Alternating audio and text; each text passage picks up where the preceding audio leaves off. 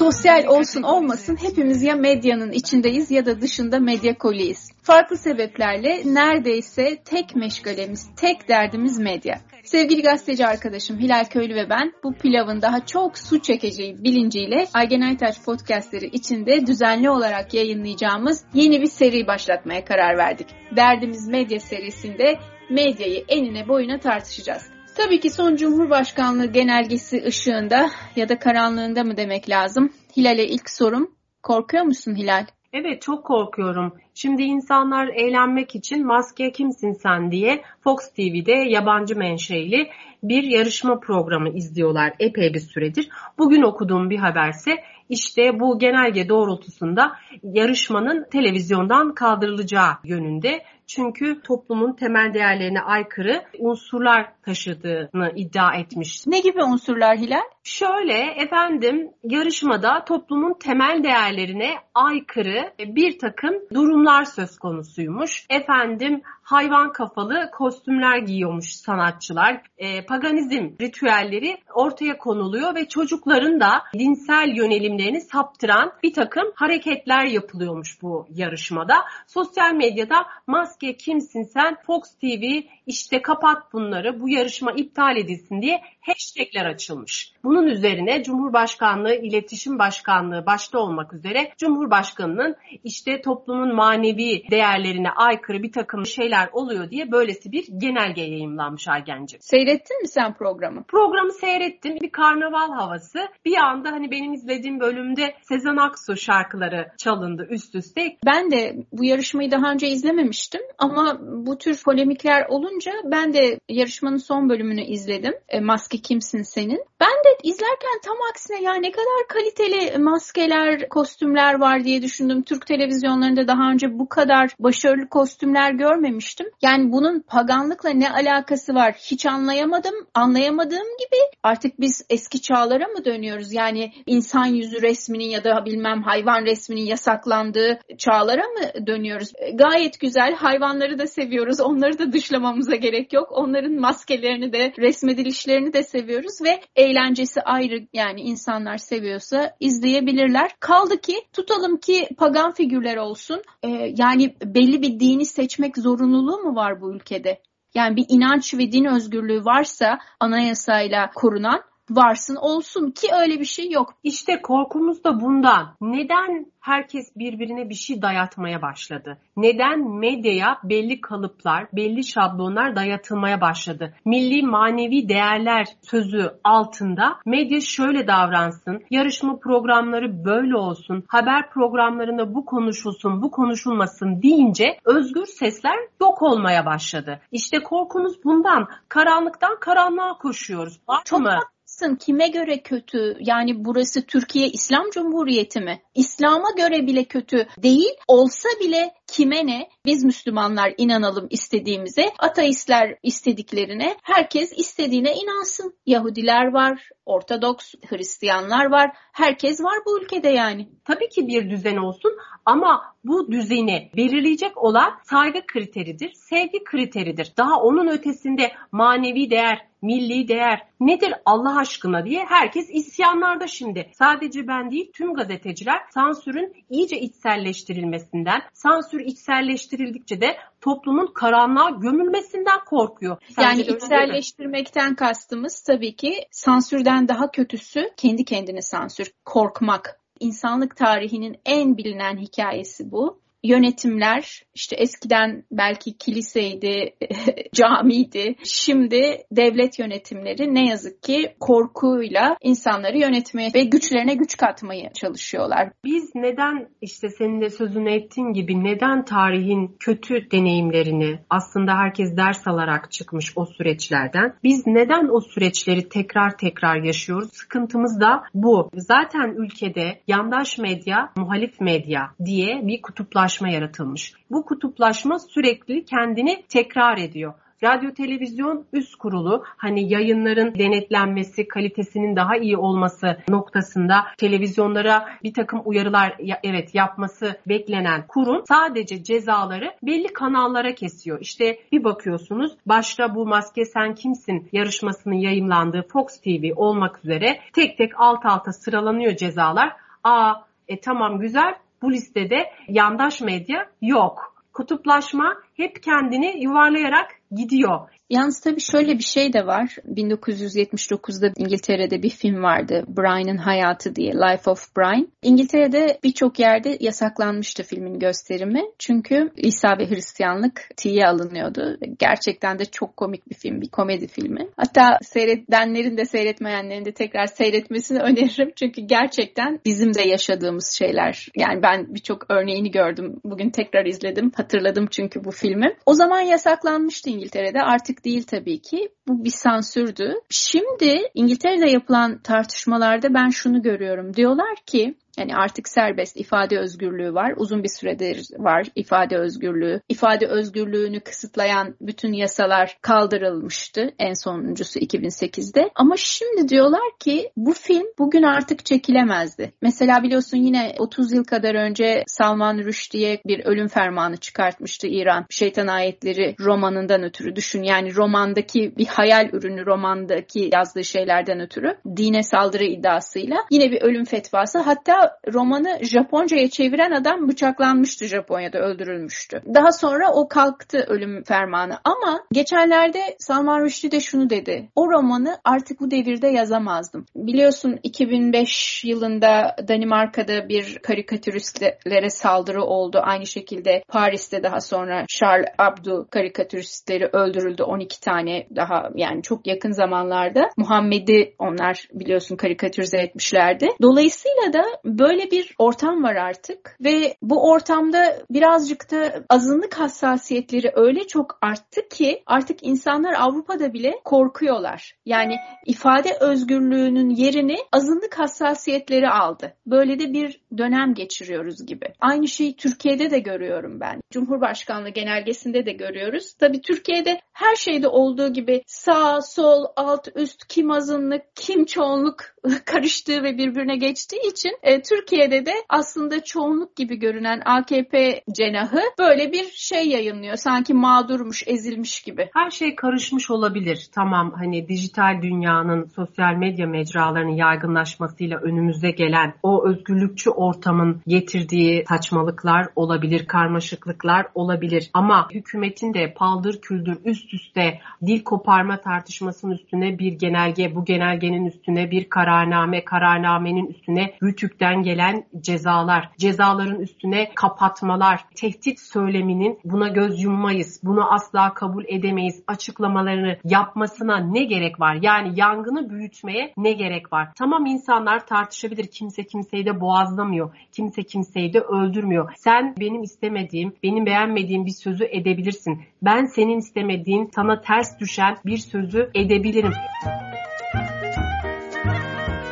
Kategorize etme, benle oynama, yaftayı yapıştırıp bana isim koy. Hükümetin de, kural koyucuların da, kural koymakla yükümlü kurum ve kuruluşların da başta rütük olmak üzere şöyle bir geri adım atıp ne oluyor çevremizde, ne insanlar ne konuşuyor, ne tartışıyor, ne dinliyor, ne dinlemiyor bir buna bakalım. İşte sosyal medyada Kürtçe müzik yasak mı değil mi? Şimdi de bu çıktı. Her gün bir şey çıkıyor. Yoksa e, bunun sonu gelmeyecek. Sen onu yasakla, onu kapat. Şöyle bir şey hissediyor musun sen de Hilal? Türkiye'de ekonomik bir çöküş yaşandı, yaşanmaya devam ediyor. Halk eziliyor ve bir yandan da böyle sürekli yapay krizler var. Böyle yok Sezen Aksu krizi ki bilmem kaç yıl önce ünlü olmuş bir şarkı sözleri üzerinden. Yok efendim basın yok maske sen kimsin programına karşı saldırılar. Yani hiçbir şey göründüğü gibi değil gibi geliyor bana. Yani bu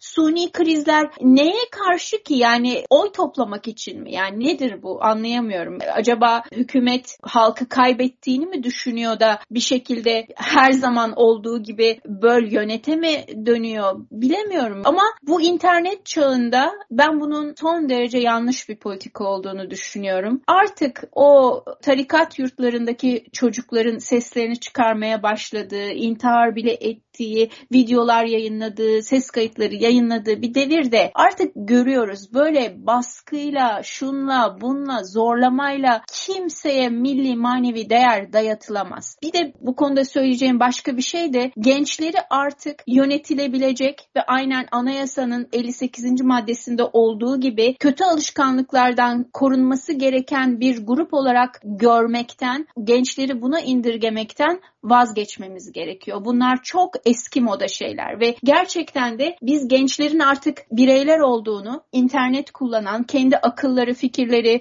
kalpleri, istekleri ve değerleri olan bireyler olduğunu kabul etmemiz ve onlara istediklerini olma, değer verdikleri hayatı yaşama olanağını sağlamamız gerek. Yasaklarla mücadele diyerek halka bu sözü vererek iktidara gelmişti AKP hükümeti 2002'de. Tam 20 yıldır ben AKP hükümetini izliyorum. Şimdi türban yasağının toplumda yarattığı travmayı hepimiz çok iyi hatırlıyoruz. Üniversiteler her gün her gün eylemlerle çınlıyordu. Türban yasağı kaldırıldı. E bugün bakıyoruz yok müzik yasaklanmasın hashtagleri atılıyor sosyal medyada. Yok Kürtçe müzik yasak mı değil mi? E vay efendim şarkı sözü yasaklanıyor mu yasaklanmıyor mu? Vay efendim yarışmalar yasaklanıyor mu yasaklanmıyor. Neden tekrara düşüyoruz? Ben burada ülke yönetiminin artık toplumun gelişmesinden, açılmasından, ileriye gitmesinden korkan bir yönetim anlayışı görüyorum. Onların korkusunun aslında bizim korkumuzdan daha büyük olduğunu hissediyorum. Çok büyük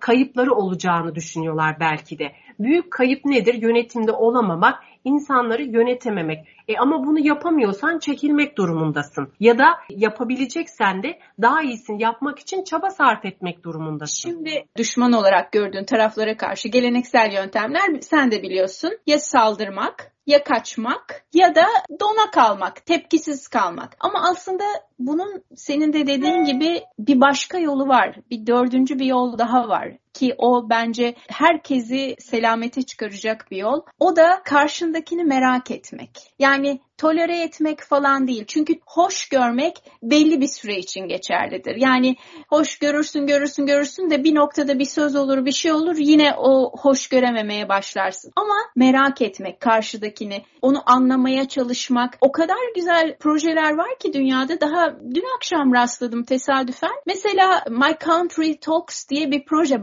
başlatmış bir Alman yayın organı ve 200 bine aşkın farklı görüşten insanı teke tek bir araya getirmiş. Yani eğer birisi diyelim ki mülteci karşıtıysa ki bu 30'u aşkın ülkede yapılan bir proje. Onun semtinde oturan mülteci karşıtı olmayan biriyle bir araya getiriyorlar bu proje çerçevesinde ve birbirlerini anlıyorlar ve aslında sonuç da şu oluyor. Çok farklı olduklarını düşünürlerken insanlar birbirlerinden çok da farklı olmadıklarını anlıyorlar. Yani bizim de buna ihtiyacımız var. Türkiye'de ne yazık ki insanlar her iki tarafta demokrasi istiyor ama diğerleri yok olsun ondan sonra biz aramızda demokrasi oyunu oynayalım istiyorlar. Bu yanlış. Şimdi e, farklılıklar, zenginliklerimiz bu ülke bizim sloganları yine AKP cephesinden gelmişti. AKP'nin özgürlükleri, hakları, temel insan haklarını yücelttiği Avrupa Birliği ile üyelik sürecini hatırlarsın sen de e, çok öne taşıdığı günlerde. E biz niye bu felsefeden geri adım atıyoruz ki şimdi? Tamam AB ile işler kötü gitmiş olabilir. Avrupa Birliği'nden kazık da yemiş olabiliriz ki yedik. Bunu da açıkça söyleyelim, ortaya koyalım. Avrupa Birliği hiçbir zaman şeffaf davranmadı Türkiye'ye. Türkiye'yi kullandığını da biliyoruz haksızlığı, hukuksuzluğu mülteciler konusunda yaptılar Türkiye'ye. Gümrük Birliği konusunda yaptılar çok da e, Kıbrıs güvensizlik Kıbrıs konusunda çok açıkça yaptılar Kıbrıs konusunda. Burada müzakereler yürürken Kıbrıs'ı tüm adayı temsilen kendilerine üye devlet yaptılar. Bir, bir güven kaybı yaşattılar. Ama biz artık bir karar verelim. Bu ülkede demokrasiyi mi güçlendireceğiz? Farklılıkları, e, farklı kültürleri, farklı inanışları bir arada yaşatacağız. Yoksa gerçekten içimize kapanıp çok karanlık bir toplum mu olacağız? Yani bir de ta işte milattan önceden beri yani böyle özellikle tutucu yönetimler hemen bir bir şey olsun yabancılara karşı işte yok dış mihraklar yok bilmem neler buna sığınıyorlar. Bence artık bu yok yabancı etkiler yok bilmem ne bu küreselleşme döneminde yani açık büfe herkesin her istediğini alabileceği, zenginleşebileceği, güzel hayatlar sürebileceği bir bir dönemde bu kadar kendi dediğin gibi içine kapatmak hiç doğru bir politika değil. Küçülmekten başka hiç anlamı yok. Evet, bu ikilemde hükümetin sıkıştığını görüyoruz Türkiye'de. Özgürlükler mi, yasaklar mı? Belli ki yasaklar noktasında daha da şiddetini artıran bir e, sürece giriyoruz. Korkumuz bundan, kaygımız bundan medya içinde medyanın bu sıkışmışlığı aşması gerekiyor. Bir bakıyorsunuz işte sosyal medyaya ya da televizyonlara çoğu medya organında yıkım ekibi gibi çalıştığını görüyoruz. İşte bu yıkıcılığı aşması gerekiyor. Medyanın daha yapıcı rolünü ortaya çıkarması kanaat önderliğini ortaya koyması gerekiyor. Bence toplumun önüne. Bakın dur bir dakika demesi gerekiyor. Sen ne dersin? Kes, kesinlikle öyle. Bir de bu yeni dönemi, yeni araçları hepimizin kucaklaması ve son hızda kullanması lazım. Mesela geçtiğimiz yüzyıllarla karşılaştırıldığında şu anda bir kadın erkek eşitliğine doğru gidiyoruz ve ne kadar güzel ki bakalım biz neler yaşayacağız bu dönemde. Yani kalkıp bunu geriye götürmek İstanbul Sözleşmesi üstesinden çıkmak, medyada yok milli manevi değerler adı altında saçma sapan böyle kapatmalar, şunlar bunlar yapmak bizi yaşayabileceğimiz bir sürü güzellikten ne yazık ki mahrum da bırakıyor. Yani ilerlemekten mahrum bırakıyor. Alışkanlıklarımızla değil, yepyeni araçlarla ileriye doğru gitmeliyiz. Geldiğimiz noktada Cumhurbaşkanlığı Cumhurbaşkanlığını bilmeli, gazeteciler de gazeteciliğini hatırlamalı. Tekrar tekrar biz ne yapıyoruz, neredeyiz ve nereye gidiyoruz diye sormalı. Kesinlikle Hilal bir de savaşın hiç kimseye bir faydası olmadığını da. Mesela milattan önce 300 yıllarında bir Roma e, imparatoruna karşı filleriyle harekete geçen bir kral var Pirus. Hatta bu tarihe de geçti, siyasi tarihe Pirus zaferi olarak adlandırılıyor. Pirus zafer kazandı ama geriye dönüp baktığında ne bir askeri ne bir fili kalmıştı. Öyle büyük kayıplar yaşadı ki yani sen medyayı kaybet, insanları kaybet, onu kaybet, bunu ya en yakınlarını, aileni kaybet. Ondan sonra ben zafer kazandım. İşte bu Pirus zaferi oluyor. Hiçbir şekilde değmiyor ihtiyacımız olan sağduyu bence. Bu sağduyunun mutlaka hem hükümet cephesinden hem medya cephesinden çok güçlü şekilde ortaya konması gerektiğine inanıyorum. Kimse kimseyi korkutarak, bezdirerek bir yere varmayacak. Yık yık yık nereye kadar? Yarıştırma sakın onunla bununla karşılaştırma. Ben gazeteciyim. Kendimi sansürleyemem. Hani otosansürü içselleştirdiğim anda yani gazetecilikten çıkıyorum zaten. Kamuoyunun çıkarını korumakla yükümlüyüm. Benim işim bu. Sen zaten bunu yapmazsan yönetimin halkla ilişkiler yetkilisi olursun. Başka da bir şey olmazsın. O yüzden sansüre tabii ki hayır diyorum. Kimse sansürle bir yere varacağını düşünmemeli. Artık Mars'ta marul yetiştirilen bir dünyada lütfen biz sansür konuşmayalım diyelim ama bence konuşarak çok daha iyi noktalara varacağımızı, e, iletişimi güçlendirmemiz gerektiğini de e, söylemekte fayda var. İfade özgürlüğü herkese lazım. Yani şu anda kendini eziliyor gibi hissedenlere en çok lazım. Anlatabiliyor muyum? Yani eğer yönetim burada mağdur edildiğini düşünüyorsa bazı kesimlerin ifade özgürlüğü en çok da onlara lazım. Aynen. Arkancığım ben bir soru sormak istiyorum. Ne dersin doğru yolu bulacak mı Türkiye? İnanıyorum ben ya. Umut var. İnanıyorum. Ben çünkü bazı şeyler yapılamıyorsa bunlar ille de bir komplo teorisi olduğu için yapılamıyor değil. Bazı şeylerin vizyon kısıtlılığından yapılamadığını düşünüyorum. Ve bizim de amacımız bu vizyona katkıda bulunmak. Yani bunun sonu iyi değil. Yani savaşarak bir yere hiç kimse bir yere varamayacak. Sadece işte Pirus gibi ağlar kazandığını düşünenler.